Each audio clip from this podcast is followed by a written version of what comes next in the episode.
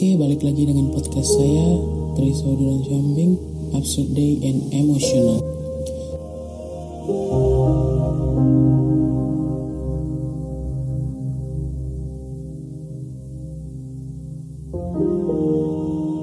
Selamat malam buat teman-teman sekalian.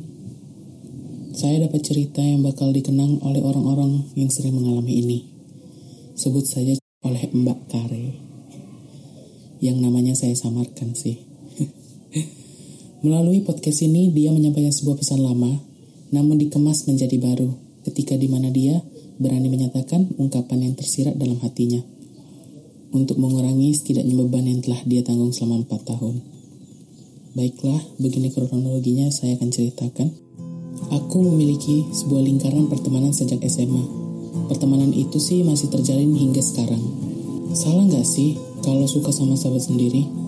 Kalau menurut aku nih ya yang nge-review, ini nggak salah sih. Cuman nantinya kamu bakal punya jarak dalam hubungan pertemanan. Karena kalau ada masalah besar yang terjadi, salah satunya harus pasti ada yang ngalah dong. Oke, lanjut. Ini kata si mbaknya.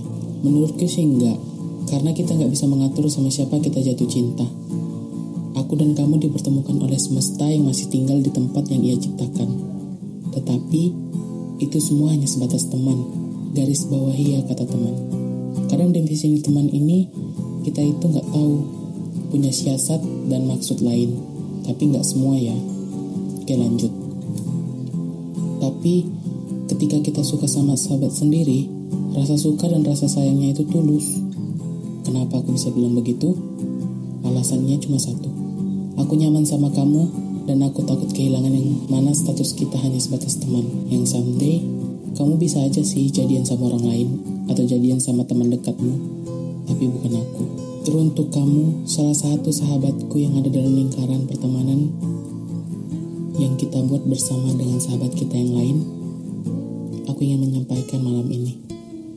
Hai teman, Malam ini aku akan menjadi malam yang melegakan perasaanku selama ini. Rasa yang selama ini aku pendam akan kuungkapkan melalui podcast ini. Semoga jiwa dan ragaku berharap kamu mengerti betapa susahnya usahaku untuk menulis atau membaca ini dengan rapi dan perlahan. Tapi tenang saja, semesta telah membantuku untuk bertahan. Betapa pedihnya menahan batu keras yang telah terkikis oleh ombak yang menderas. Aku berdoa untuk setiap orang yang aku sayangi, termasuk keluargaku. Yang kau tahu, aku mencintai mereka, sama seperti aku mencintaimu. Dengan empat tahun ini, kita kenal. Kita sudah berteman cukup lama. Bukankah begitu? Kita tahu kita saling sayang, tapi sayangnya aku merasa sayangku lebih dari sekedar sahabat. Mungkin akan banyak pertanyaan setelah memaki kepada hati dan pikiran apa yang menyebabkan aku jatuh cinta pada sahabatku sendiri? Rasa maluku terungkap. Aku takkan malu lagi bila hati ini dipenjara dan keluar seperti darah. Aku juga sudah bisa merencanakan hal apa yang kita lakukan bila kita bersama di dalam lingkaran pertemanan ini. Apa tidak ada orang lain lagi di dunia ini yang dapat memikat hatiku? Mencintai seseorang yang mengetahui diri kita hingga bagian akarnya ternyata itu sulit untuk disembunyikan.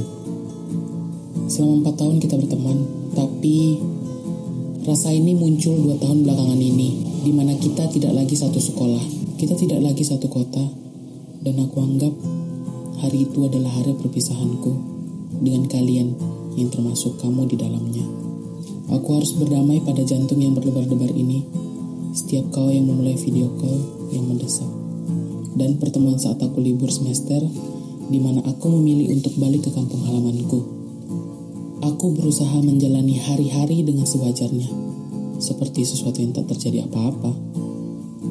Hatiku bergerak seperti sewajarnya. Baik sih, namun pikiranku memberontak mengarah ke dirimu. Di mana bahagia menjadi sahabat yang baik untukmu. Tapi ada sebuah rasa yang sudah mungkin bukan lagi dikategorikan biasa.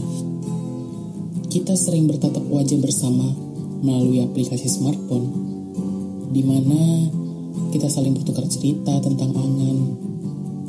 Bolehkah aku berangan untuk memiliki hubungan yang lebih dari seorang sahabat? untukmu setelah ini?